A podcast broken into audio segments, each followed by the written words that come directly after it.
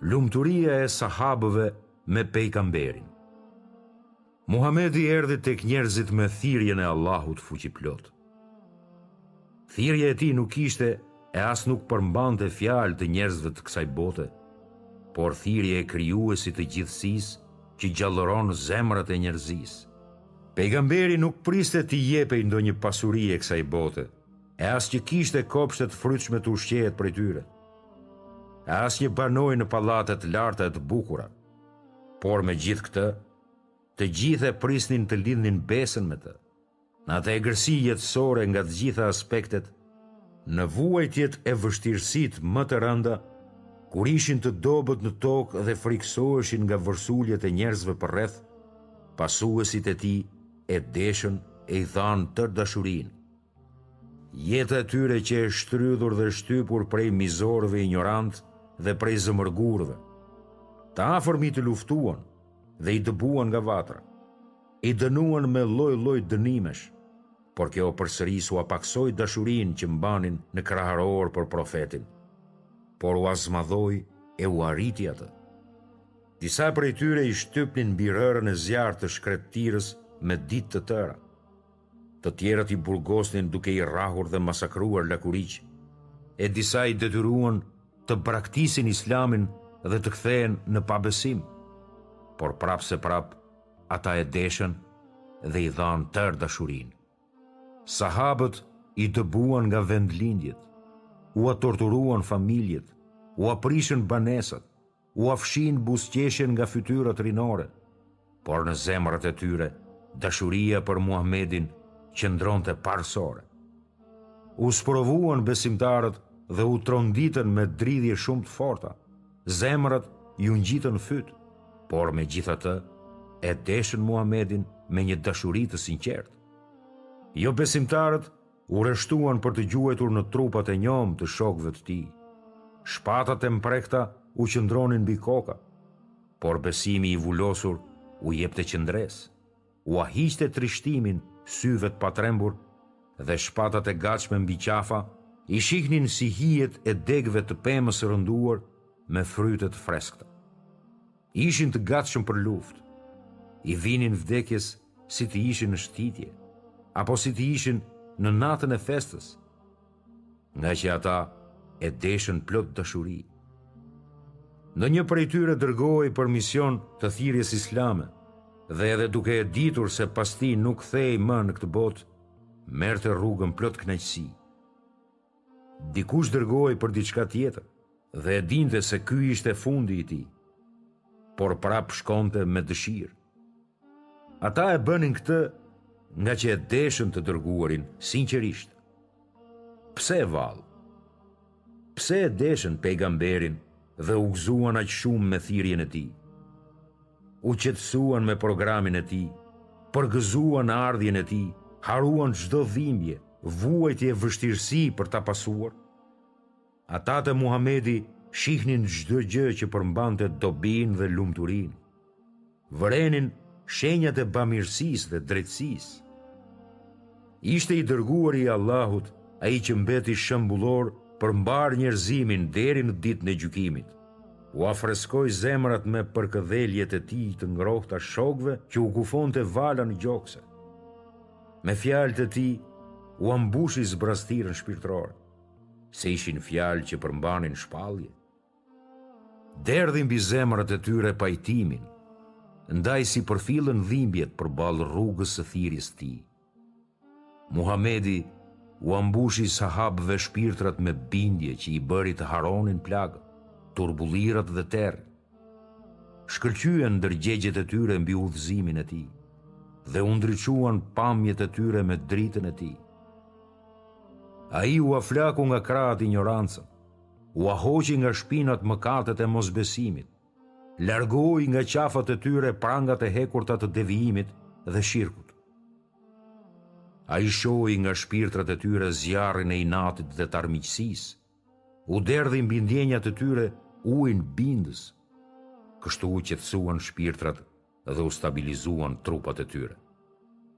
Sahabët kuptimin e jetës e gjetën me të dërguarin. Afërsia e tij i bënte të lumtur. Sigurinë e gjetën duke pasuar rrugën e tij. Shpëtimin e gjetën në zbatimin e urdhrave të tij dhe pasurinë në imitimin e tij. E ne s'të dërguam ty Muhamed veçse si mëshirë për të gjitha krijesat. Në të vërtetë dhe ti udhëzon për në rrugën e drejtë. I nxjerr ata prej errësirave në dritë. Ai është që arabëve të pashkolluar u dërgoi pejgamberin nga mesi i tyre që t'ju lexojë ajetet e tij. t'i pastrojë ata, t'ua mësojë librin dhe sheriatin, ndonëse më parë ishin në humbje të dukshme. Dhe heq nga ata barrën e tyre të rëndë dhe prangat që ishin mbi ta. Përgjigjuni thirrjes së Allahut dhe të Dërguarit kur Ai ju fton për atë që ju jep jetë. Madje ishit në buzë të greminës së Xhehenemit, e Ai ju shpëtoi prej tij. Me të vërtetë, shokët e tij qenë të lumtur e në gëzim të pafund me prisin dhe udhëheqësin e tyre, Muhamedin, dhe kishin të drejtë të jenë të lumtur e të kënaqur. O Zoti ynë, bekimet dhe përshëndetjet qofshin mbi çliruesin e mendjeve nga prangat e devijimit, zgjuesin e shpirtrave nga mjerimet e humbjeve, Dhe i kënaqur qofsh nga shokët e tij fisnikë, shpërbleji për atë që sakrifikuan dhe për atë që ofruan. Dëboje mërzinë nga jeta jote. Me të vërtetë, atë që e bën jetën sipas një programi të pandryshuar, mundet që shumë shpejt ta kaplojë pëlhura e monotonisë, ngaqë shpirti vetvetiu mërzitet dhe njeriut nga vetë natyra e tij. Çdo gjë i bëhet banale nëse në jetë vazhdon të lundrojë pa kurrfarë ndryshimi. Prandaj Allahu ndryshoi kohërat dhe vendet, ngrënien dhe pijen dhe rreth krijesave bëri natën e ditën, të lehtën e të vështirën, të zezën e të bardhën, të nxehtën e të ftohtën, hijen dhe vapën, të ëmblën dhe të njelmëtën. Allahu këtë larmi dhe ndryshim e përmend në librin e tij. Nga barqet e tyre, bletëve, del lëng, ngjyra e të cilit është e ndryshme. Kopshte të hardhisë, të mbjella të larmishme, dhe hurma të degëzuara në shumë trupa dhe të padegëzuara, të ngjashme nga forma e jo të ngjashme nga shija. Ne këto ditë i ndërrojmë në mes njerëzve. Edhe nëpër kodra ka vija të bardha e të kuqe, ngjyrash të ndryshme. Edhe hebrenjtë, të cilët Allahu i begatoi me ushqimin më të mirë, u mërzitën prej të njëjtit, ngaqë vazhdimisht e hanin atë. Ne s'mund të durojmë, hamë vetëm një ushqim, të njëjtë. Memuni lexonte herë ulur, herë në këmbë dhe herë duke ecur. Kur e pyetën për ndryshimin e pozitës gjatë leximit të tij, ai tha: Shpirti mërzitet. Ata që Allahun e përmendin me përkujtim, kur janë në këmbë, kur janë ulur, kur janë shtrirë, Ai që di si ta kryejë adhurimin dhe i njeh rregullat e tij, vëren larminë e obligimeve në Islam, duke filluar nga ato që kanë të bëjnë me brendinë, zemrën e njeriut, me fjalët, me punën dhe pasurinë e tij. Këtu hyjnë namazi, zekati, agjërimi, haxhi dhe xhihadi. Gjithashtu dhe namazi në përbërjen e vet ndryshon dhe s'është i njëjtë, qëndrimi në këmbë, ruku, sexhde dhe ulje. Pra ai që dëshiron rehati, aktivitet dhe dhënie të pandërprerë, le të ndryshojë mënyrën e punës së tij, të studimit të tij dhe jetës së tij të përditshme. Për shembull, në lexim ndërroji lëndët. Një herë lexo Kur'anin famëlartë, pastaj tefsirin, hadithin, fikhun, historinë, kulturën e përgjithshme dhe kështu e ndan kohën mes adhurimit dhe punëve të tjera të lejuara, si vizita, pritja e mysafirëve, edukata fizike, piknikët e të tjerë. Kështu do ta gjesh shpirtin të gatshëm për lëvizje të shkëlqyeshme, ngaqë ai i do larmitë dhe i mirëpret të rejat. Lëre shqetësimin. Mos u pikëllo sepse Allahu thotë: A nuk ta hapëm gjoksin tënd? Ky ajet është për çdo njeri që mbart të vërtetën, sheh dritën dhe ecën në rrugën e drejtë. Atij që Allahu ia ka zgjeruar kraharorin për besimin islam, ai është në një dritë të sigurt prej Zotit të vet. Të mjerë janë ata që nga zemërfortësia e tyre nuk përmendin Allahun.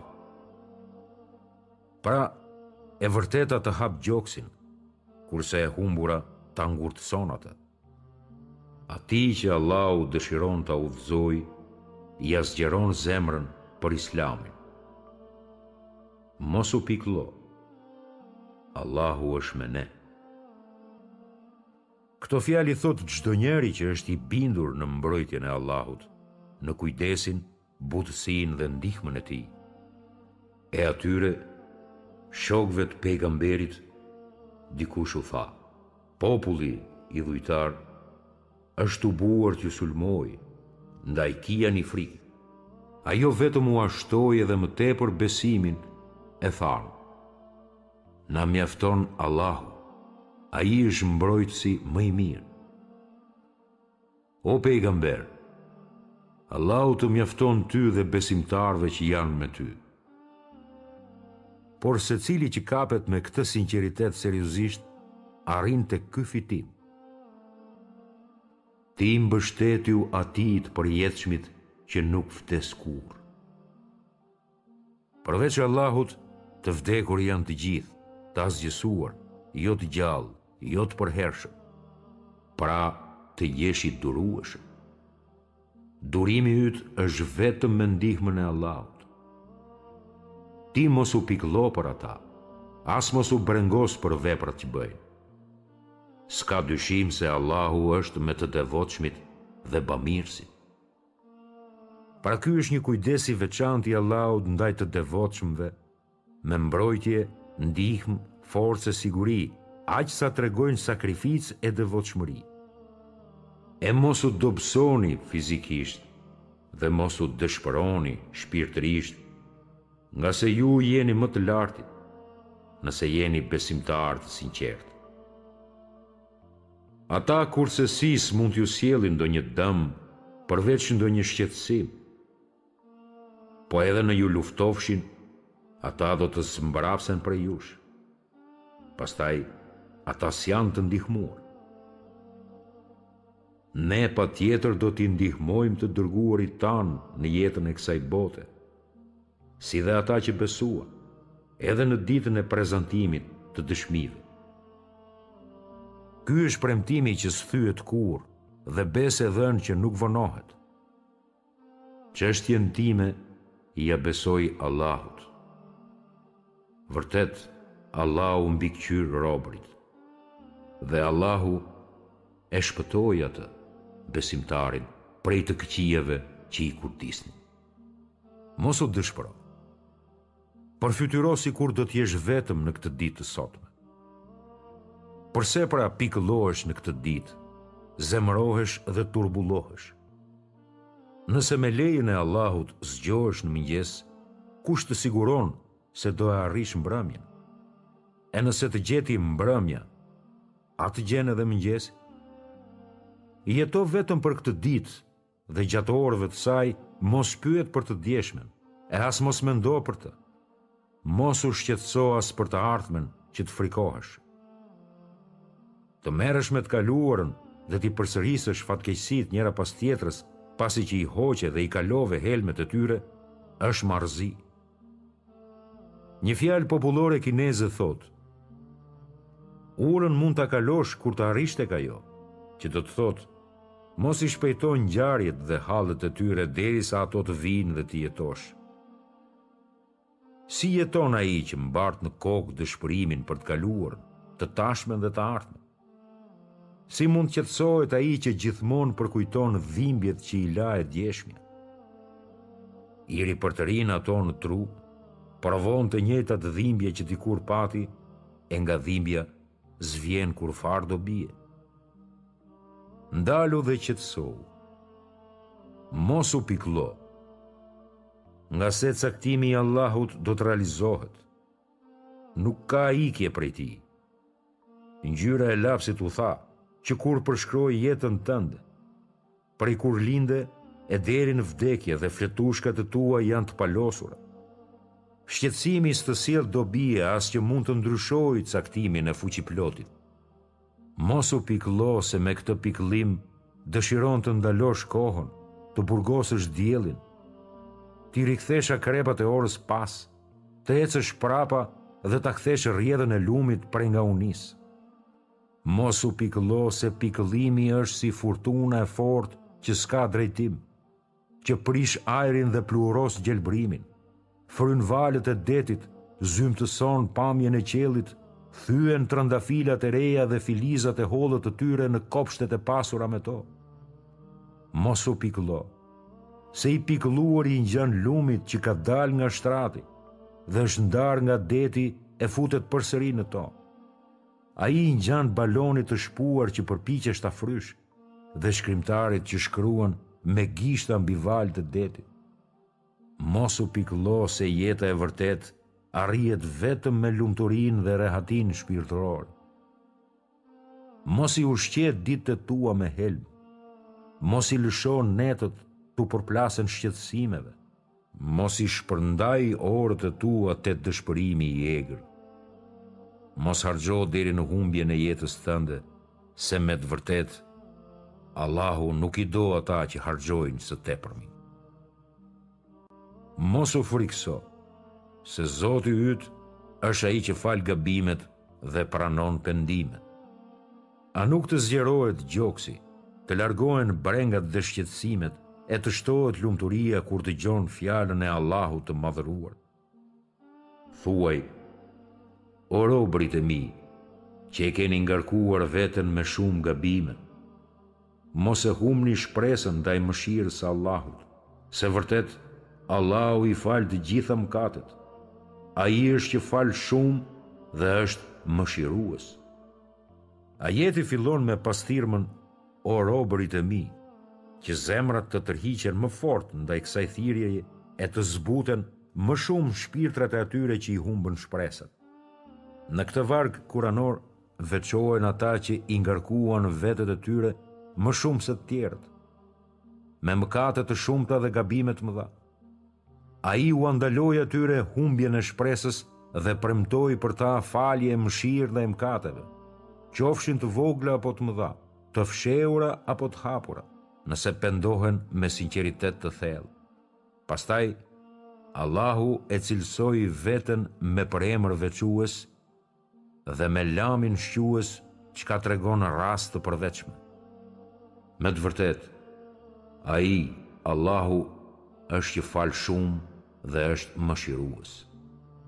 A nuk gëzohesh dhe kënaqesh kur dëgjon fjalën e Allahut?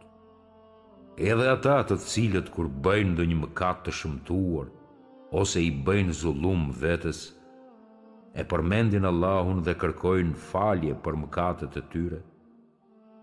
E kush i fal mëkatet përveç Allahut? Dhe që duke e ditur, nuk vazhdojnë në ato që kanë punuar. Nëse largoheni prej mëkateve të mëdha të cilat ju janë ndaluar, Ne ju shlyejmë mëkatet e vogla dhe ju fusim në një vend të ndershëm. E sikur të vinin ata te ti, pasi që ta kenë dëmtuar veten, e të kërkonin vetë ndjesë te Allahu, edhe i dërguari të kërkonte ndjesë për ta, ata do ta kuptonin se Allahu pranon pendimin dhe është mëshirues. Nuk ka dyshim se unë e fal atë që është penduar, që ka besuar, që ka bërë vepra të mira e që përqendrohet në rrugën e drejtë. Pa të meta është lartmadhëria e tij. Sa i mëshirshëm është ndaj robërve të vet. Aq të madhe e ka mëshirën, sa që dhe ata që i bëjnë shok Allahut janë të falur nëse pendohen. Gjithashtu bënë kufër ata që thanë, Allahu është i treti i treve. S'ka ngjithësi tjetër pos një Allahu, e nëse nuk pushojnë nga ajo që thanë, ata prej tyre që nuk besuan, do t'i kapë dënimi i dhimbshëm. E pse të mos pendohen dhe të kërkojnë falje te Allahu, kur dihet se Allahu fal shumë dhe është mëshirues. Pejgamberi tregon në një hadith kudsi. Thotë Allahu, O bir i Ademit, përderisa ti më lutesh Mua dhe shpreson në Mua, të gjitha gabimet që ke bërë t'i shlyej dhe t'i fal. O bir i Ademit, Sikur gabimet e tua të arrijnë kupën e qiellit, ato i ke të falura nga unë, po qe se pendohesh. O bir i Ademit, nëse më vjen i mbushur me mëkate, qofshin ato sa gjerësia e tokës, e të takohesh me mua, e nuk më ke bërë shok, Gjerësinë e tokës ta kthej me falje mbi mëkatet e tua. Pejgamberi thotë në një hadith të saktë, Vërtet, Allahu e shtrin dorën e tij natën që të pendohen gabimtarët e ditës. dhe e shtrin dorën e rahmetit ditën të pendohen gabimtarët e natës gjersa dielli të lindë nga perëndon domethënë ditën e gjykimit pasha Allahun në dorën e të cilit është shpirti im sikur mos kishit gabuar Allahu do t'ju kishte zhdukur dhe do të kishte krijuar një popull tjetër që gabon dhe lyp ndjesë prej Allahu e Allahu është falësi i tyre. Secili nga ju gabon, e më i miri gabimtar është ai që pendohet. Robi që bën mëkat dhe thotë, o Zoti ynë ma fal gabimin që bëra, se me të vërtetë atë s'e fal kush tjetër përveç teje, pastaj përsëri bën mëkat dhe thotë, o Zoti ynë ma fal gabimin që bëra, se me të vërtetë ti je ai që fal shumë, E pastaj përsëri bën mëkat dhe thotë, O Zoti ynë, falma gabimin që bëra, nuk e fal gabimin kush tjetër përveç Teje? Allahu thotë, E di robi im se për të ka vetëm një Allah, që ndëshkon për gabimin dhe e fal atë. Pra le të bëjë robi im çfarë të dojë. Dhe kuptimi i këtij hadithi është se, Përderisa robërit pendohen dhe kërkojnë falje për gabimet e bëra, jam unë ai që i fal ata. Mos u brengos se gjithçka është sipas caktimit. Çdo gjë të pret në bazë të caktimit dhe dëshirës së Allahut, e kjo është edhe themeli i besimit islam. Pasuesit e Muhamedit ishin ata që e ushqyen këtë themel dhe ecën në rrugën e drejtë. Asgjë nuk ndodh në këtë hapësirë përpos me dijen, lejen dhe caktimin e Allahut.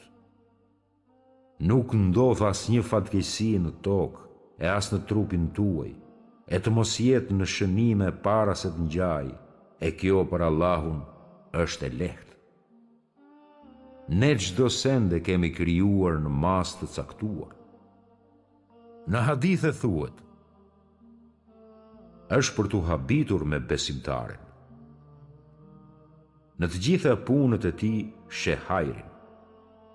Nëse i bjen një e mirë, e falënderon dhe është mirënjohës, e nëse e godet një e keqe dhe bën durim, është hajër për të. E kjo s'është për tjetër kënd, veç për besimtarin e vërtetë. Nëse ke një nevojë për të kërkuar, mos kërko nga askush tjetër, veç Allahut. Nëse ke nevojë për ndihmë, kërkoja ndihmën Allahut, dhe dije se e tërë njerëzia të grumbullohet e të të ndihmojë, s'mund të të japin veç asaj që të ka caktuar Zoti. E nëse grumbullohen që të dëmtojnë, s'mund të të bëjnë dëm në asgjë, veç asaj që ka caktuar Zoti. Janë ngritur pendët dhe janë tharë fletushkat. Dije se ajo që të ka goditur s'ka mundur të të anashkalojë. E as ajo që ka kaluar s'ka mundur të të godasë. Mbroje atë që ke dobi dhe kërko ndihmë prej Allahut. E mos u bëj përtac dhe mos thuaj, sikur të kisha bërë këtë dhe atë, do të ndodhte kështu e ashtu, por thuaj, Ky është caktimi i Allahut dhe çfarë dëshiron Ai, bëhet. Allahu thotë, Por mundet që ta urreni një send, e ai është shumë i dobishëm për ju. Dhe mundet që ta doni një send, e ai është dëm për ju. Allahu e di fundin e çdo sendi, e ju nuk e dini. Këto janë caktimet që nuk i ngjajnë aspak lojës. Lum a mjerë rrjedhin caktimet në përvëlim të gjëlpërës. Mos u brengos, por prite mëngjesin. A nuk është mëngjesi afër? Mëngjesi i të brengosurve dhe pikëlluarve fillon të shfaqet. Shih sa bukur agon, sa mirë i çel dyert e errëta drita e saj. Arabët thonë, kur të shohësh se litari është tërhequr tepër, dije se do të këputet. Sa më tepër të shtohet ngushtësia, aq më afër e ke rrugëdaljen. Allahu thotë në Kur'anin famëlartë: E kush e ka frikë Allahun, ai atij ia shlyen të këqijat dhe ia shton shpërblimin. E kush i frikësohet Allahut, Ai atij ia lehtëson punën. Derisa të dërguarit gati e humbnin shpresën dhe mendonin se u përgënjeshtruan, atëherë u erdhi atyre ndihma jonë. Ne e shpëtuam atë që deshëm. Lexo fjalët e poetit, sa bukur i ka thurur. Disa sy fjetën, e disa s'i zuri gjumi për çështjet që do bëhen apo do ngelin. Lëshoji brengat nga truri, aq sa ke mundësi, të mbash mërzi, sa s'mundesh është çmenduri. Ti beson në një Zot që nga dora s'të lëshon dot? Ashtu si s'të harroi dje, s'të harron as sot. Fjalë tjetër poetike. Lëri përcaktimet të rrjedhin e mos u përpiq t'i frenosh. Kur në mbrëmje sytë t'i mbyllësh, mendjen nga e keqja ta çlirosh. Sa çel e mbyll sytë, çeshtja mund ndryshojë. Allahu prej një gjendje në tjetër shpesh ndodh ta shndërrojë. Vetëm një moment. Mos u brengos se pasurinë që ke pranë, pallatet e larta për mrekulli, kopshtet e gjelbëruara plot gjallëri, bashkë me pikëllimin, mërzitë, plagët e dhimbjet vetëm sa ta shtojnë më tepër terrin që të rri zgavër në sy. Mos u pikëllo se nuk të sjellin dobi as barrat e rekomanduara nga mjekët që ti i pi, as këshillat e tyre.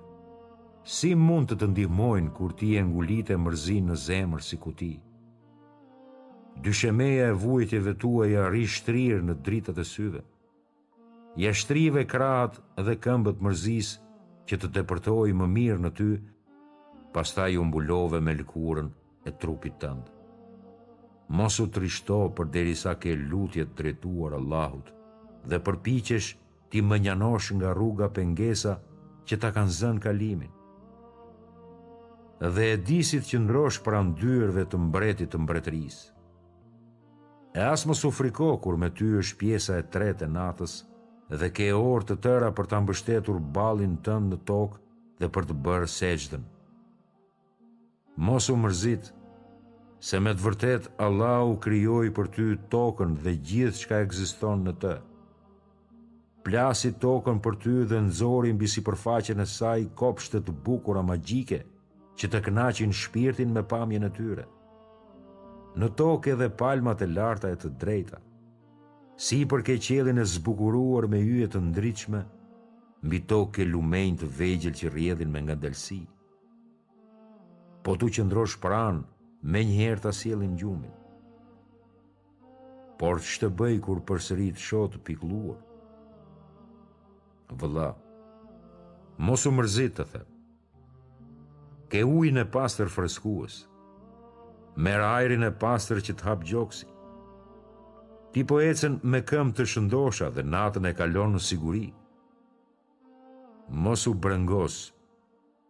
por sa më tepër kërkoji falje Zotit tënd, se ai me të vërtetë është që fal shumë. Unë u thashë, kërkoni falje Zotit tuaj, se ai vërtet fal shumë. Ai ju lëshon nga qielli shi me bollëk, ju shumon pasurinë dhe fëmijët, ju bën të keni kopshte e ju jep lumenj. Nëse dëshiron ta shikosh daljen e tunelit dhe të jesh i qetë psiqikisht, kërkoji sa më tepër falje Zotit tënd, se Ai të jep furnizim të mirë, fëmijë të mbarë dhe të zbret shi të mjaftueshëm kur je në nevojë. Po ta citoj lutjen e rëndësishme e cila transmetohet nga Buhariu. O Zoti ynë! Ti je një dhe përveç teje tjetër nuk ka. Ti më krijove mua dhe unë jam robi yt. Jam në besën tënde dhe i qëndroj me plot durim premtimit tënd, aq sa kam mundësi. Të kërkoj falje ndaj gabimeve që kam bërë. Pranoj se të mirat që kam janë vetëm prej teje dhe se ti m'i dhurove. Pranoj se të këqijat që bëra janë nga unë, e falësi im je ti dhe gabimet s'mi fal kush veç teje. Përderisa vëlla i dashur gjuha të rri e lagur me këto fjalë të lutjes mos u mërzit, se shpirtin do ta gjesh të qetë e të lumtur. Allahu thotë, Pra ta dini se me të përmendur Allahun, zemrat stabilizohen. Ju më kujtoni me adhurime, unë ju kujtoj me shpërblim. Dhe kur të ngrihesh, madhëroje me falënderim Zotin tënd. Edhe gjatë natës adhuroje Atë, si dhe kur yjet s'duken më. O ju që besuat, kur të ndesheni me ndonjë grup, përqëndrohuni e përmendni çdo herë Allahun që të arrini fitoren e dëshiruar. Pejgamberi thotë, Shembulli i atij që e përmend Allahun dhe i atij që nuk e përmend Atë, është si shembulli i të gjallit me të vdekur. A dëshironi t'ju tregoj se cila është vepra më e mirë dhe më e vlefshme tek Mbreti juaj, Allahu? E cila është më e vlefshme se ari dhe argjendi, më e vlefshme se sa kur e takoni armikun tuaj e përlesheni me të, dhe kur jeni në kulmin e luftës ndaj tij? I thanë, Po, i dërguari i Allahut. Tha, Të përmendurit, dhikri, i Allahut. Në një hadith tjetër të vërtetë, thuhet, Erdhi një njeri te i dërguari i Allahut dhe i tha: O i dërguari i Allahut, dispozitat dhe rregullat e legjislaturës islame më duken të shumta për mua, kurse unë jam plak e s'kam mundësi t'i kryej të gjitha. Ndaj më trego një gjë në të cilën mund të përqendrohem e të mos e lëshoj kurrë. tha, Mbaje gjuhën tënde të njomur me të përmendurit e Allahut. Mos u mërzit nga dëmi që të bën dhe falja keqbërësit. Kjo sepse çmimi i masës së dënimit është shumë i madh dhe i rëndë. Ai që të vërsulet me mbytje, rrahje apo me diçka tjetër, pastaj e kthen atë me më të shtrenjtët e tij, me zemrën e tij, mishin dhe gjakun e tij, qetësimi i kthehet në shqetësim, lumturia dhe harmonia i kthehet në pikëllim dhe shkatërrim. Pra, ai është në humbje të padyshimtë. Allahu për këtë armiqësi të nxehtë tregoi ilaçin që zbut zemrën e kryeneçit. Dhe ata që e frenojnë mllefin, që ua falin njerëzve. Të keqen ktheje në mënyrën më të mirë, se atëherë ai me të cilin kishe njëfarë armiqësie, do të bëhet mik i afërt. Mos u brengos nga ajo që të humbi, se akoma ke shumë të mira dhe begati. Përkujtoji dhuntitë që t'i dha Allahu. Hidhi një vështrim trupit tënd prej te koka e deri te këmbët, Thellohu mirë në atë që zotëron. Do të bindesh shumë shpejt se sikur të qëndroje natë e ditë duke falënderuar Allahun për këto të mira, përsëri do të ishte e pakët dhe se ky falënderim nuk mjafton përpara asaj që zotëroje. Thotë Allahu, Edhe nëse përpiqeni t'i numëroni të mirat e Allahut, s'do të mund të arrini t'i përkufizoni. Dhe plotësoi ndaj jush të mirat e tij të dukshme e të fshehta. Dhe çdo të mirë që e keni, ajo është vetëm prej Allahut. Allahu ia përkujton robit të vet në Kuranin famëlartë dhuratat që i dha atij.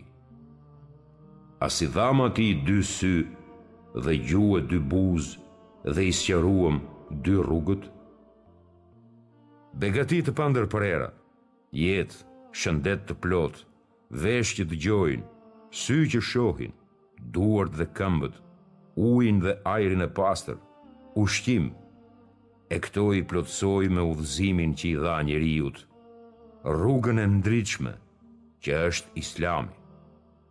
Ndoshta ndokush të thotë, a dëshiron një miliard dollarë e të m'i japësh dy sytë e tu? A dëshiron një miliard dollarë për një vesh tëndin?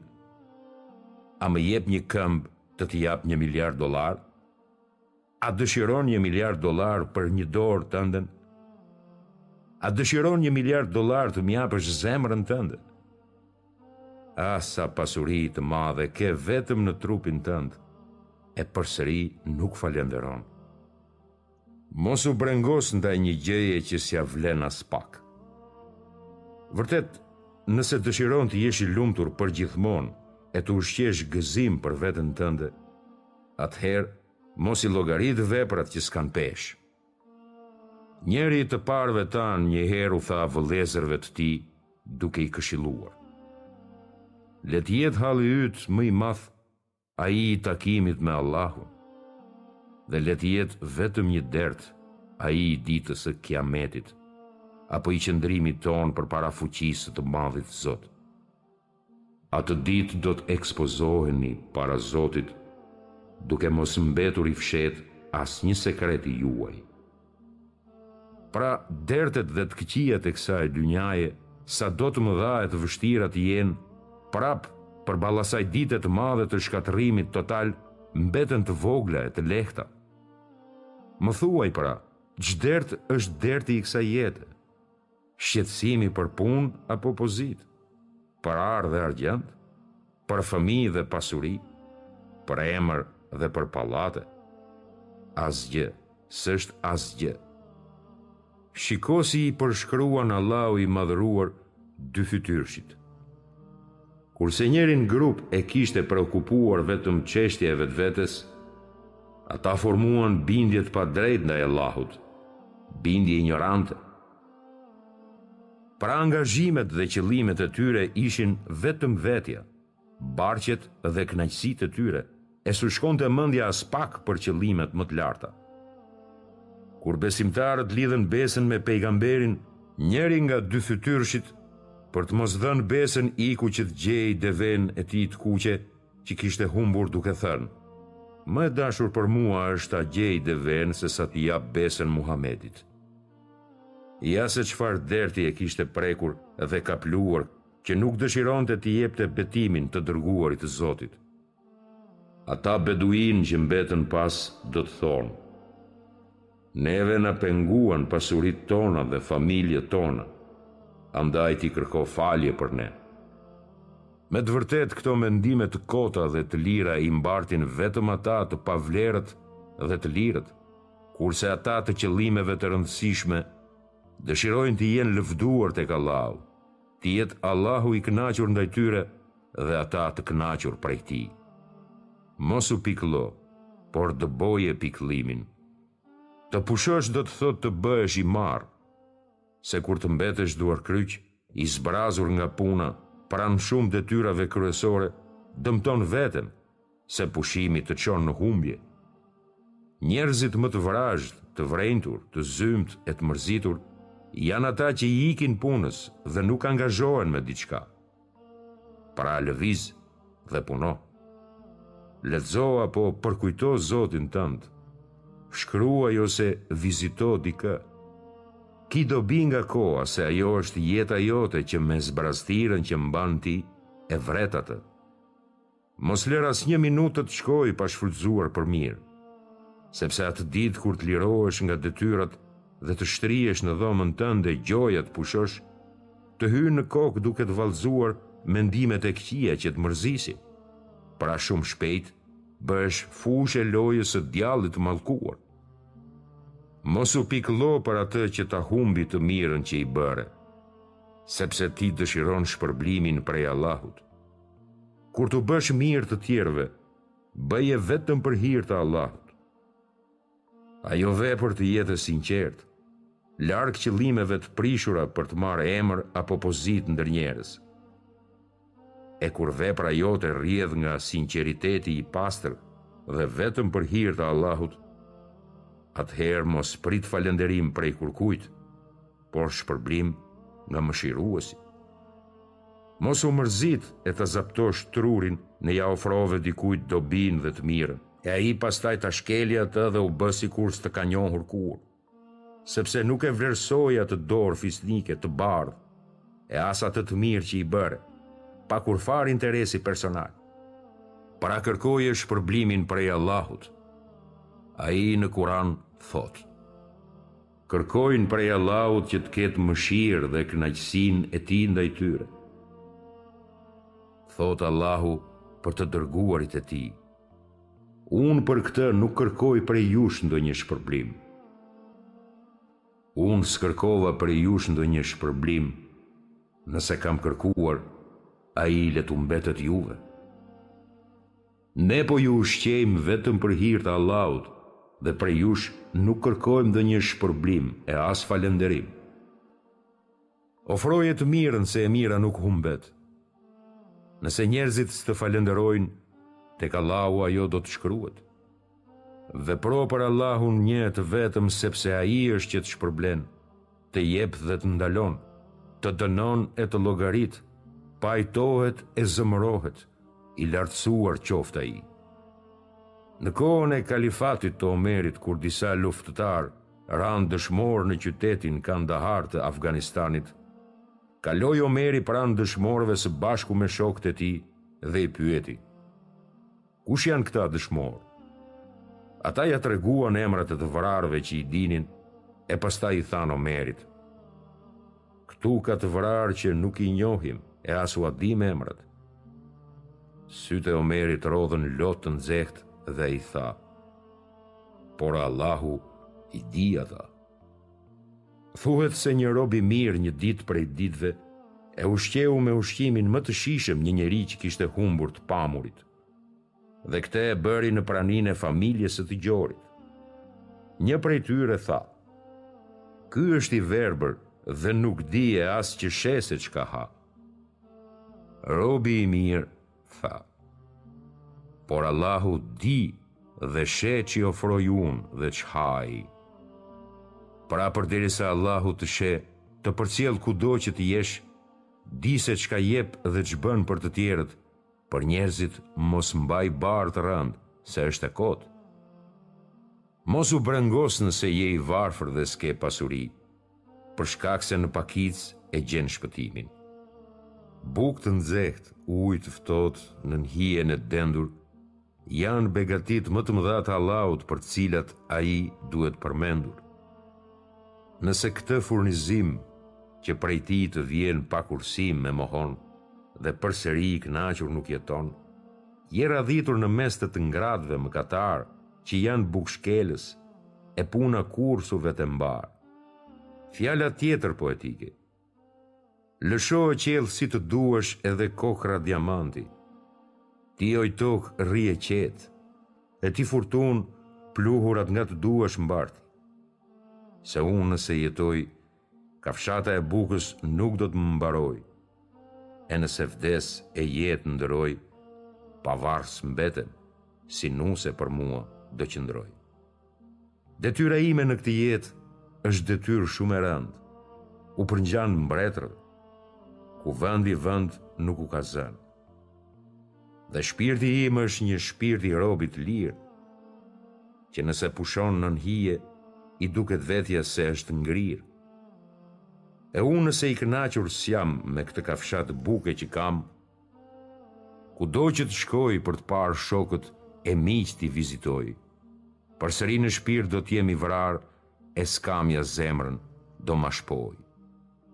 Kjo është vlera e të bindshëmve, që janë të bindur e të kënaqur me rrënjët e rrizkut të tyre. Janë të besueshëm e besnikë në thirrjen e rrugës së tyre dhe janë të sinqertë në misionin që mbartin. Mos t'ju mërzisin kritikat e të humburve dhe xhelozëve. Ti s'je i humbur kur dikush të kritikon. Përkundrazi, Je i shpërblyer nëse qëndron i durueshëm ndaj inatit dhe xhelozisë që kanë për ty. Pastaj kur dëgjon fjalë të rënda djathtas dhe majtas, dije se personaliteti yt peshon. Kuptoje se qenin e ngordhur nuk e shqelmon kush, ashtu si nuk i çmon kush të pavlerët. Nëse nuk arrin atje ku ke arritur ti djelësh, Njerëzit i ke armiq vërsulës, bëj kujdes që veten ta mbrosh. Dhe kur s'mund t'ia dalin për të të shkatërruar, nga inati kthejnë kokën e s'kanë për të të shikuar. S'di se ç'i pengojnë, të mirat që Allahu t'i dha frut, ah, s'të bën gjë xhelozi. edhe veten e mbyt. Me autoritetin që ke dhe nëse arrin në kupë të qiejve, armiku ndaj jush do të shtohet me numrin e yjeve. Famën tënde do ta gjuajnë nga larg me shigjetë. Mbrojtja e Allahut kur ty të rrethon, të pasuksesshëm kanë me mbet, e dëm s'ka me të gjet. Musai iu lut Allahut që ta mbrojë nga fjalët dhe thëshëthemet e njerëzve. Allahu iu përgjegj duke i thënë: O Musa, unë as për veten time nuk i detyroj robrit që mos të më qortojnë, e as gojën nuk ua mbyll. Unë i krijova dhe unë i begatoj e i furnizoj, Por ata përsëri më fyejnë me fjalë e më qortojnë. Transmetohet se Pejgamberi ka thënë: Allahu thotë, Më fyen mua biri i Ademit e më shan. Nuk i takon dhe nuk duhet ta bëjë këtë ndaj Krijuesit vet. Sharja e tij ndaj meje kur ai shan kohën është e padrejtë. Kur unë jam koha, e rrotulloj natën dhe ditën ashtu si dëshiroj.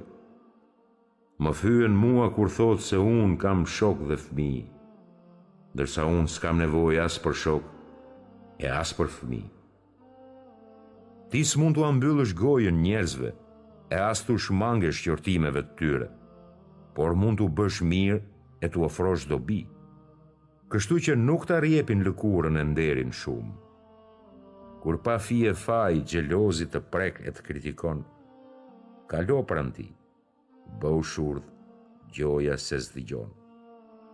Fjalët që t'i hedhin vëri në një skaj. Mos ua hidh shikimin, e në tru mos i mbaj. Të marrët kur të pyesin, përgjigjen mos ua thuaj. Për ty është më mirë të hiqesh si i huaj. Pra s'ke kohë të merresh me çështje që nuk sjellin dobi.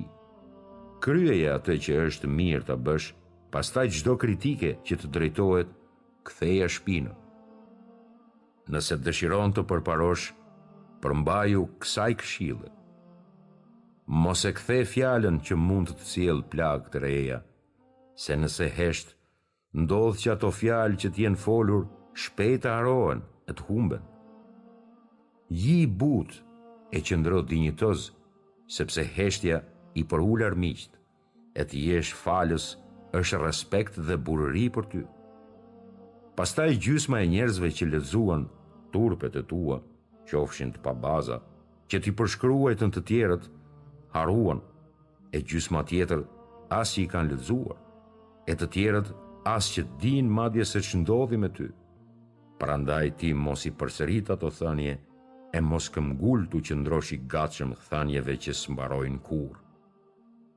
Dhe shtëpiza e vogël ku banojnë të thjeshtët dhe hanë bukë gruri, është më e vlefshme sesa shtëpia e madhe me tryezë të shtruar me lloj-lloj ushqimesh, ku përzihen fjalët dhe s'mund të dallosh fjalën e sinqertë prej së kotës. Ndalo dhe mendo. Mos u pikëllo se i sëmuri shërohet. E keqja shndërrohet në të mirë, mëkati të pastrohet dhe të falet, borxhi të lahet, i burgosuri lëshohet, i ikuri kthehet, mëkatari pendohet dhe i varfri pasurohet. Mos u pikëllo. A s'i sheh retë e zeza si tërhiqen dhe fshihen mbi malet e larta dhe kodrat e mprehta, e si zbardhon nata e errët. Si qetësohet furtuna me bubullinë. si zbutet era dhe bëhet e lehtë, atëherë pra edhe vështirësitë e tua shkojnë drejt lehtësimit dhe jeta jote drejt lumturisë e ardhmja jote drejt rehatisë.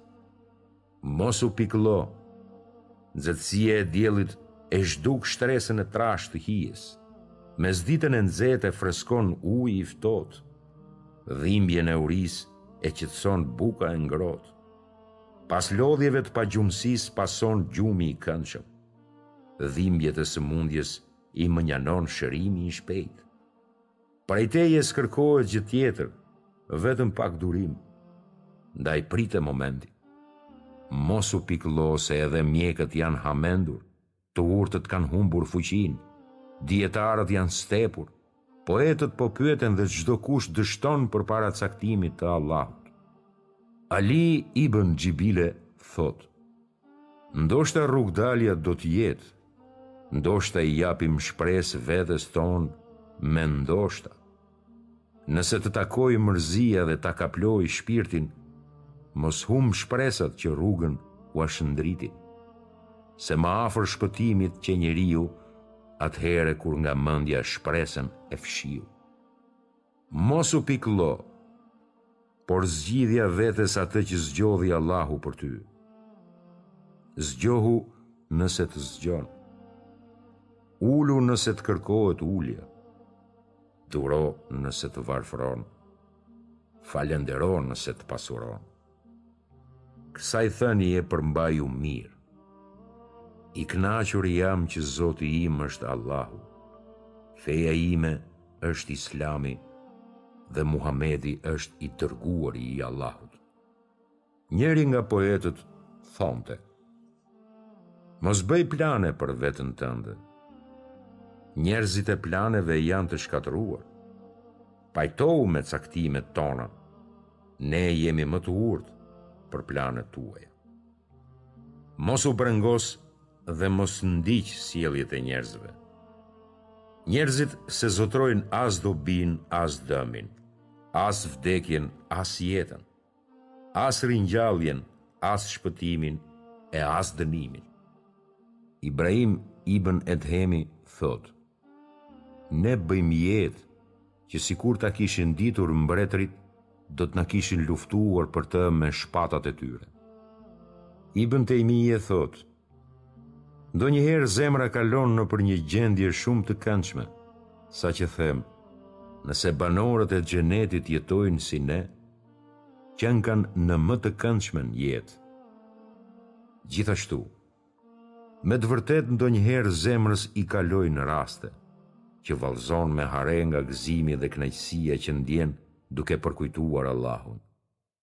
Kur e burgosën në burg dhe ia mbyllën derën, ai tha, Vihet ndërmjet tyre njëfarë muri që ka derë, e brendia e tij është mëshirë, kurse ana e jashtme është dënim. Pastaj pasi e lanë të vetmuar në atë dhomë të errët e të ftohtë, ai i thoshte me vete plot besim në zemër, Ç'do më bëjë armiku mua. Unë xhenetin dhe kopshtin tim e kam këtu brenda në gjoks. Ngado që të më çojnë, i kam me vete. Nëse më mbysin, jam dëshmor. Nëse më dëbojnë nga qyteti, jam vizitues i qytetit tjetër. E nëse më lenë përgjithmonë këtu ku jam, burgu do të më jetë vetmia e preferuar, gjë që e dëshiroj më shumë se gjithçka, pasi që vetmia më bën të jem më afër krijuesit tim, Allahut të mëshirshëm. Thonë një fjalë që s'blihet me asgjë. Ç'gjeti ai që e humbi Allahun? Dhe ç'humbi ai që gjeti Allahun? Këto dy thënie nuk përputhen asnjëherë e as nuk krahasohen kurrë. Ai që gjeti Allahun, gjeti çdo gjë. E ai që humbi krijuesin e vet, humbi gjithçka. Mos u pikëllo, por dije sa e shtrenjtë është ajo për të cilën mërzitesh.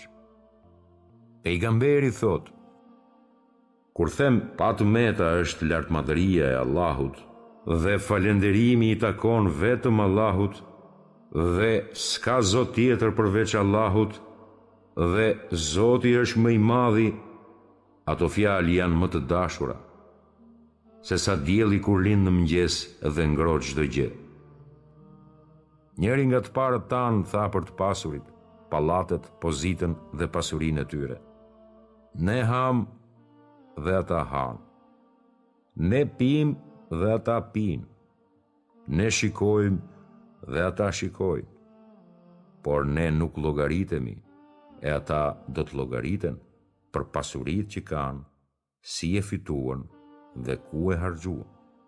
Poeti shprehet, Veç një natë e parë e varrit mjafton t'i harrosh pallatet e ndrequra, me kopshte në formë të harkut të Havernekut dhe pasurinë e mbretit romak. Në të vërtetë, ju na erdhët një nga një ashtu siç ju krijuam së pari. Besimtarët thonë të bindur thellë, Allahu dhe i dërguari i tij e thanë të vërtetën. Ndërsa hipokritët që në zemra kishin sëmundje, thanë, Allahu dhe i dërguari i tij s'na premtojnë tjetër vetëm se mashtrim.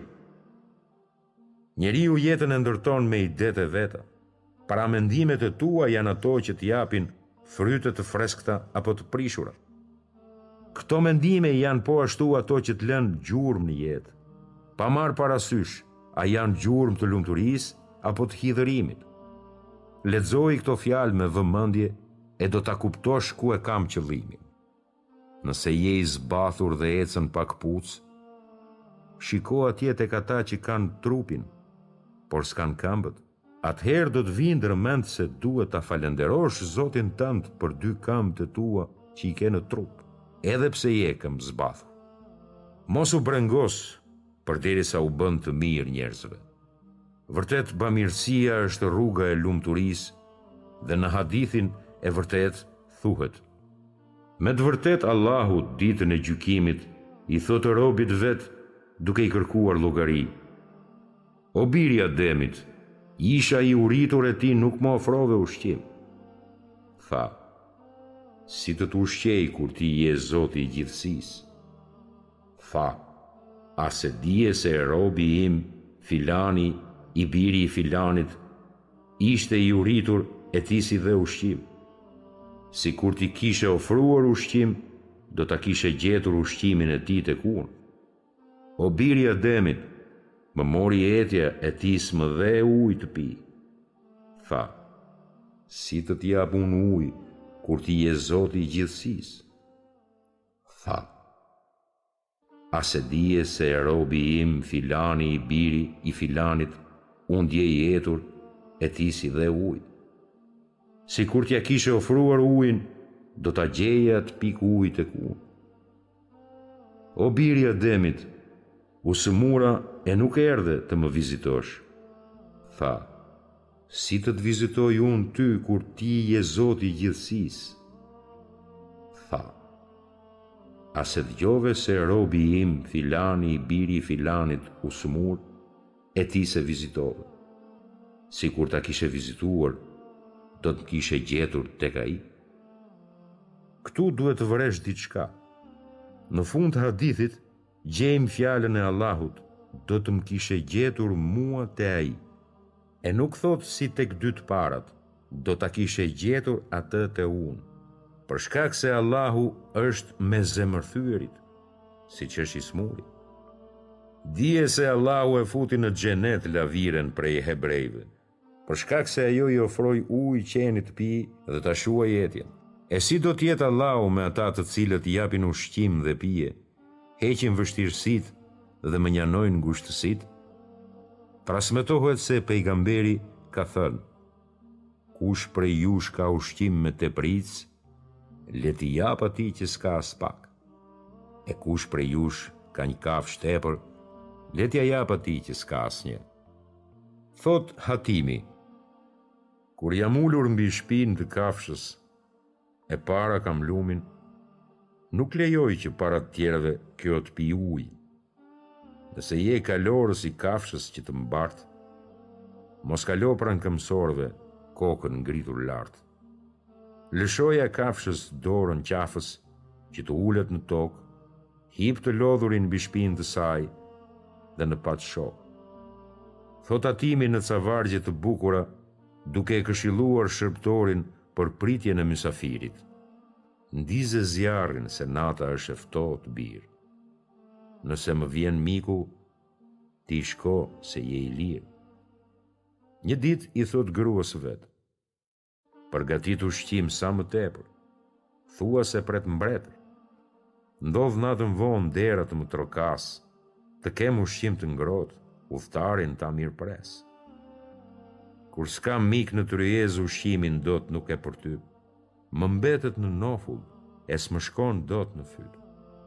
Thotë në një poezi tjetër, Fisnike, pasurinë që kemi sot ndodh të nesërmen na largohet. S'na mbetet gjë në këtë jetë, veç fjalë e mirë që përkujtohet. S'numurohet si i pasur ai që ka flori e fletushkë. Nëse mërzitë mbi kokë i palohen e gjoksin e ka të ngushtë, dhe nëse çelësat e pallateve në dorë i kanë rënë, mjafton rrudhat të qëndisura në fytyrë e jeta peshqesh ia ka dhënë. Të porosis o djalë, të bësh mirë gjersa të rrosh. se në këtë jetë dy herë s'do të jetosh. Ibën Mubareku kishte një fqinj hebre, mirëpo para se të ushqente fëmijët e vet, i trokiste fqinjit hebre dhe ia jepte ushqimin, ashtu siç kujdesej edhe për veshmbathjen e tij.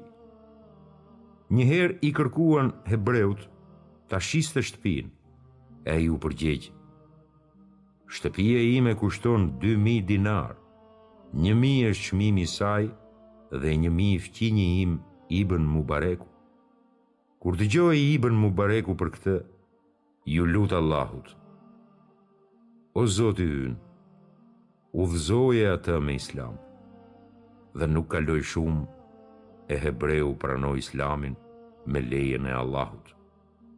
Kaloi Ibën Mubareku rrugës me karvanin e tij të mbushur përplot me nevojat që kishte, kur në rrugë papritmas pa një grua e cila mori laraskën e ngordhur nga mbeturinat e rrugës.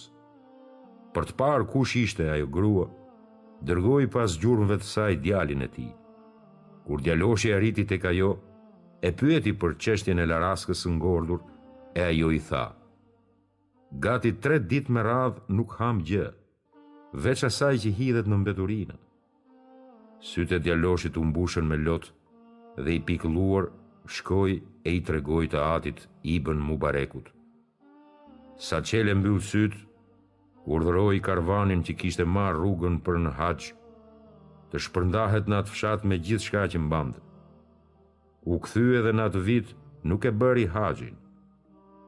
Atë natë pa në ëndërr dikë që i thonte, Haxh të gëzuar, udhëtim të falënderuar dhe mëkate të shlyer. Allahu pra ia pranoi qëllimin e tij për kryerjen e haxhit. Allahu thotë në Kuranin famlartë, Madje edhe sikur të kishin vetë nevojë për të, ata u jepnin përparësi atyre para vetvetes. O Allah, ç'sjellje madhështore kishin! Ç'qëllime të pastra! Ç'zemra plot besim! Mos u pendo pra për veprën e mirë që bën, qoftë edhe e tepërt. Pendohu për veprën e keqe, qoftë ajo edhe e vogël. Ndalo dhe mendohu. Mos u brengos sepse Allahu të mbron. Engjëjt lypin falje për ty tek Allahu, por dhe besimtarët në çdo kohë të namazit bëjnë lutje për ty. E Muhamedin e ke ndërmjetësues në ditën e gjykimit. Kurani i lartësuar të jep premtim të mirë. Dhe mbi të gjitha këto qëndron mëshira e më të mëshirshmit, mëshirëplotit. Mos u brengos se një e mirë të dyfishohet në dhjetë e një e keqe të mbetet një. Madje dhe atë mund ta falë Zoti yt dhe nuk ta numëron. A e sheh sa bujar është Zoti yt që nuk ke dëgjuar kësisoj bujarie? A e sheh sa të jep? Pra bujaria e tij nuk krahasohet me asnjë krijesë. Mos u brengos, sepse i përket popullit islam. Je bartësi i misionit islam. Ti je nga njerëzit e orientuar nga kibla. E në esencë mban dashurinë e Allahut dhe të dërguarit të tij. Ti pendohesh kur bën mëkat, gëzohesh kur bën mirë, pra ke shumë dinjitet dhe je tepër i vlefshëm, por ti ende nuk e di. Mos u brengos kur prej teje rrjedh dobia e kur s'ta shpërblejnë. Dhe kur ke pasurinë e kur mbetesh i varfër, kur je i ngushtuar dhe kur je i lirë. Kjo arrihet duke bërë durim, me durimin shpërblehesh. Ja si e mbjell dobinë. Kur të prek e mira, falënderon krijuesin, nga goja e gjallë me përkujtimin e emrit të Allahut. Pa dyshim se rrjedh dobia, pra ti je kroi i pashtershëm i dobisë, por kjo s'është për do këdo, por për besimtarin e sinqertë. Mos u brengos se durimi mbi të këqijat dhe mbartja e vështirësisë është rruga e fitores, shpëtimit dhe lumturisë. Pra të jesh i durueshëm. Durimi yt është vetëm me ndihmën e Allahut. Durimi i mirë, Allahut i kërkohet ndihmë për këtë që përshkruani ju. Ti pra duro me një durim pa ankesë. U thonë Selamun alejkum, me durimin tuaj gjetët shpërblimin. Bëni durim, bëhuni të qëndrueshëm. Omeri thotë, jetën e mirë e njohim nëpërmjet durimit. Ata që ndjekin fjalën e Allahut dhe të Muhamedit, kur i godet e keqja përdorin vetëm tri armë, durimin, lutjen dhe pritjen e shpëtimit apo suksesit. Pejgamberi thotë, Asnjë krijesë nuk duron mbi një të keqe që dëgjon më shumë se Allahu. Ata pretendojnë se Allahu ka shok dhe fëmijë, dhe përsëri ai u jep shëndet e i furnizon me begati të njëpasnjëshme. Kush përpiqet të durojë, Allahu e zbukuron me të dhe i jep durimin. Me të vërtetë, virtytet e larta nuk arrihen me ëndërrime, e as me imagjinatë, por vetëm me bindje e ngulmim. Mos iu trishto sjelljes së krijesave ndaj teje, por shiko sjelljen e tyre ndaj Krijuesit. Te libri Ez Zuhd i Imam Ahmedit gjendet ky hadith ku Allahu thotë: Çudi me ty o bir i Ademit, unë të krijova e ti adhuron tjetër përveç meje. Unë të furnizova e të dhashë rrizkun e ti falënderon tjetërkënd. Unë bëhem i dashur te ti me të mirat që t'i dhuroj duke qenë unë i pasur prej teje. Ti bëhesh i urrejtur tek unë me mëkatet që bën dhe i varfër tek unë. E mira dhe dobia ime ndaj teje zbret, e keqja yte tek unë rritet. Në historinë e Isait, përmendet se ka shëruar më tepër se tridhjetë të sëmurë me lloje të ndryshme sëmundjesh. si dhe shumë të verbërve u ka sjellur të pamurit, por në fund përsëri ata që i shëroi u bënë kundër tij dhe armiqtë më të rrezikshëm. Mos u mërzit, se ka shumë shkaqe që e lehtësojnë barrën e fatkeqësisë, si për shembull, Ndërsa të durueshmëve u jepet shpërblimi i tyre pa masë. Shikimi i vazhdueshëm i atyre që kanë fatkeqësi më të madhe se ti. Sikur të tjerët mos t'i kisha parë, rreth e rrotull meje si kanë qarë, jetën me ta s'do e kisha ndarë, por veten do ta kisha vrarë. Pra ktheu djathtas e majtas, a sheh tjetër veç të sprovuar me fatkeqësi të ndryshme? Fatkeqësia jote është më e lehtë se e të tjerëve. Falëndero që kjo e keqe nuk është që prekur në fenë e robit, por mbi një çështje të kësaj jete. Dije se adhurimi që bëhet pas goditjes me një fatkeqësi është më i madh e më i vlefshëm se adhurimi në ditët e tjera. Dhe se Allahu Zgjedh për ty atë që dëshiron Ai dhe atë që është më e dobishme për ty. Por mundet që ju ta urreni një send, e ai është shumë i dobishëm për ju. Mos imito personalitetin e të tjerëve. Secili ka një anë të cilës i kthehet. Ju shpejtoni nga punët e mbara. Ai është që ju bëri sundues në tokë dhe lartësoi në shkallë më të lartë disa nga ju mbi të tjerët. Secili grup e dinte vendin ku do të pinte ujë. Njerëzit kanë veçoritë e tyre dhe secili ndryshon nga tjetri. Nga pamja, fuqia fizike, idetë, zgjuarsia dhe profesioni. Pejgamberi si simbol i shembullit të pashoq i punësoi shokët e tij sipas mundësive dhe përgatitjeve të tyre. Aliun për gjykatës, Muadhin për pedagog, Ubejin për Kuranin, Zejdin për çështjet e trashëgimisë, Halidin për luftë, Hasan ibn Thabitin për poezi dhe Kajs ibn Thabitin për ligjërues.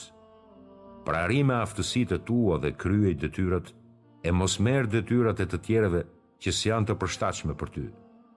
A dëshiron ta shkrish veten dhe ta zhdukësh personalitetin? Nëse e bën këtë, ke vrarë veten. Mos i përvetëso cilësitë e të tjerëve kur nuk janë të tuat.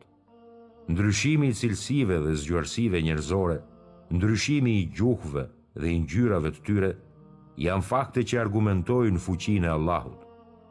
Për shembull, Ebu Bekri me mëshirën dhe butësinë që kishte i bëri dobi një popull. Omeri me forcën dhe vendosmërinë që kishte e ndihmoi popullin islam. Të jesh i kënaqur me atë që ke është dhunti. Merri frytet e dhuntisë tënde, rriti ato të mira, përdori në të lejuarën. Ofroju diçka të mirë të tjerëve, që të kenë dobi ata që s'i kanë këto të dhëna. Allahu nuk e obligon asnjeri përtej mundësisë së tij. Imitimi dhe përpjekja e futjes së vetes në personalitete të tjera është me të vërtetë varrosje e dhuntisë që të ka dhënë Allahu. Është vrasje e dëshirës, fshirje e bazës së dallimit dhe karakteristikave personale ndër njerëz të cilat i dëshiron Allahu të jenë të tilla. Vetmia dhe përfitimi i saj pozitiv tek robi.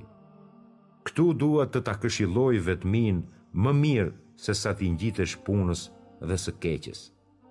Vetmia ta çel mendjen dhe ta tret pikëllimin. Thotë Ibën Tejmije, S'ka rrugëdalje për robin veç të ikurit nga përgojimi. Që ta bëjë adhurimin më të përsosur dhe përkujtimin e Allahut më të sinqertë, leximin e Kuranit më me vëmendje, llogaritjen e vetes më me saktësi, Lutjet e tija më me shpirt. Le ta shoqërojë vetminë e ëmbël duke patur përkujtimin e Allahut gjithmonë në mend. Në librin Sajd el-Hatir të Ibënul Xheuzit do gjesh këto fjalë me të cilat lëvdon vetminë, Nuk kam dëgjuar e as nuk kam parë si vetmia. Ajo të pushon, të jep dinjitet dhe të fal nder. Të largon nga e keqja dhe nga e padobishmja. të mbron shpirtin dhe ta ruan kokën, të largon nga xhelozët, shpirtligjtë e smirëkeqët, që qeshin kur ti qan, ta prezanton ditën e ardhme dhe të gjykimit në tru, të përgatit për ditën e takimit tënd me Allahun. të pasuron me përkulje e adhurim, të aktivizon memorien në gjërat e vlefshme, të bën të kuptosh ligjet e Islamit më pastër, të bën të nxjerrësh përkufizime më të urta rreth çështjeve të diskutueshme në jetë. Pra vetmia të jep kohë për hulumtimin e duhur të një aktiviteti islam, që të njohësh detyrën dhe qëllimin kryesor të ardhjes tënde në këtë botë. Qëndrimi yt i vetmuar ka dinjitet dhe peshë tek Allahu, që s'e di kush veç ti. Veçimi yt prej turmave të bën të mbledhësh frytet e mendimit tënd, të këpusësh idetë nga mendimet e tua aq të pastra saqë i ngjasojnë filizave të reja ndër lulishte. por mos haro se në të gjen dhe qetësimin e zemrës, largimin nga armiqtë e ziliqarët dhe se je larg syrit keq. Kur ti veçohesh mbron gjuhën dhe gojën nga fjalë të kota që mund t'i kishe folur. Vetmia është si një mbulesë që hidhet mbi fytyrën e bukur. Nuk ka vetmi më të mirë se sa kur ke edhe librin në dorë. Kur hap fletët e tij, të hapen dyert e jetës. Kur lexon rreshtat e librit, të zmadhohen bebzat e syrit. Thua se duan t'i gëlltisin shkronjat. Kjo pra është vetmia që të bën të uritur për lexim. Shpirti në vetmi kënaqet. Zemra rri rehat. Truri rri i gatshëm për të gjuajtur të vlefshmet. Në vetmi nuk punon për t'u parë nga njerëzit, se vetminë s'ta shoqëron kush veç Krijuesit tënd, e as t'i dëgjon fjalët e tua dikush prej njerëzve. Ty t'i dëgjon edhe fjalët, edhe të rrahurat e zemrës vetëm Allahu, i cili ua dhuroi zemrën dhe di çka fsheh e shfaq ajo. Të gjithë ndriçuesit, të dobishmit, të mprehtit dhe të zgjuarit, vigjilentët në histori e të lartit në virtyte, u konsideruan si sytë e kohës dhe yjet e territ. Këtë vlerë të lartë ata e arritën duke i ujitur rrënjët e virtyteve të tyre me ujin e vetmisë. Virtyte të mira që i ngjajnë pemës së mirë me rrënjët e saj të thella në tokë, e degët e saj janë të larta e që me vullnetin e Zotit ato japin frytin e vet në çdo kohë. Ali ibn Abdul Aziz El Xhurxhani thotë, Shpeshherë më thonë se je vetmitar dhe e do vetminë. S'të shohim kurrë ndër popull, e as bashkohesh me njerëzinë. Nuk e di se ç'i ka kapur kjo mërzi për mua.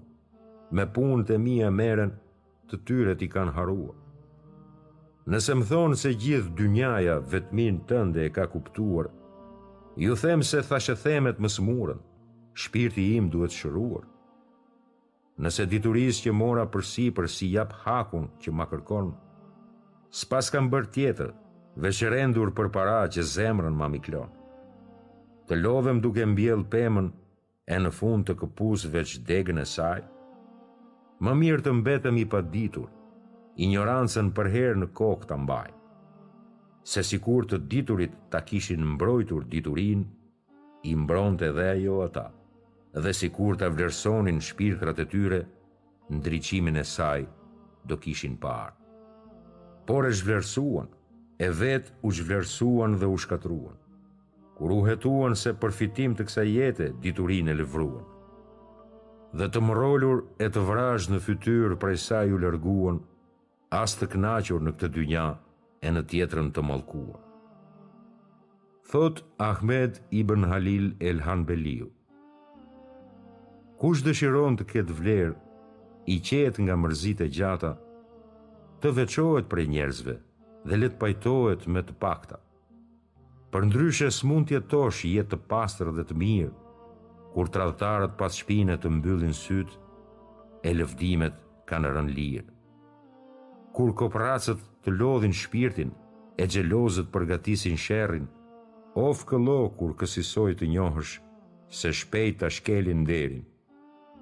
Ali ibn Abdulaziz el-Xhurxhani thotë, Kënaqësinë e jetës kurrë nuk e shijova. Përveç librit dhe fletëve që mbi to shënova. S'ka më mirë se dituria, Në të kënaqet shpirti e gëzon vetmia. Kur me njerëzit të bashkohesh, prite poshtërsinë, Lëshoji ata e jeto vetë që ta ndjesh mbretërinë. Thotë Ibën Farisi, Më pyetën si je, Thashë, mirë jam. Sapo zgjidh një problem, tjetrin në prag e kam. Kur të këqijat na shpeshtohen dhe gjoksi na ngushtohet, shpresojmë tek Allahu që rrugëdalja të na afrohet.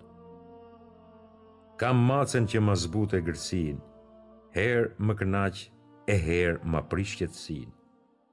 Të dashurën time kam fenerin, e fletoret pasuri mbi tavolinë. Mos u trishto nga vështirësitë e rënda.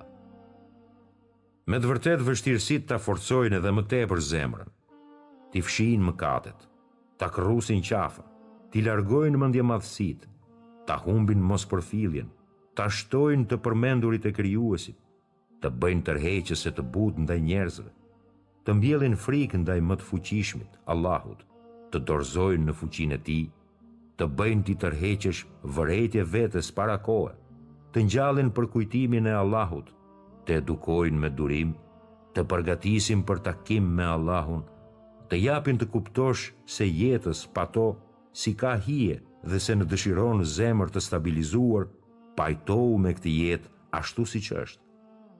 Kanë thënë se sa më tepër ta duash vetminë, aq më tepër është nder për atë. Ndalohu dhe mendo. Mos u brengos sepse brengat e pikëllimit të dobësojnë në përulje e adhurim, të ngadalësojnë aktivitetin e sakrificën, të trashëgojnë humbjen dhe rrëzimin e vetes, të fusin në mendime të kota e të përplasin në pesimizëm. Mos u brengos, për shkak se pikëllimi dhe shqetësimi janë dy shkaqe kryesore të sëmundjeve psikike dhe burime të rrjedhës të dhimbjeve shpirtërore. Ato janë helme që të shkrijnë çdo ditë nga pak. Mos u brengos kur ke Kuranin, përkujtimin e Allahut, lutjet, kohërat e namazit, Lëmoshën që shuan mëkatet ashtu si shuan ujë zjarrin. Punon dhe vepron mirë, afron dobinë e frytshme edhe më tej. Mos u mërzit e as mos u dorëzo pranë saj nëpërmjet zbrazëtisë që të humb. Kryej namazin, madhëro Zotin tënd, lexo, shkruaj, puno, prit mysafirin, vizito, Planifiko. Më thirrni mua. Unë ju përgjigjem. Luteni Zotin tuaj të përulur e në heshtje, se ai s'i do ata që e teprojnë. Thuaj, thërrisni Allah, ose thërrisni Er Rahman, me cilindo emër ta thërrisni, emrat e tij janë më të bukur.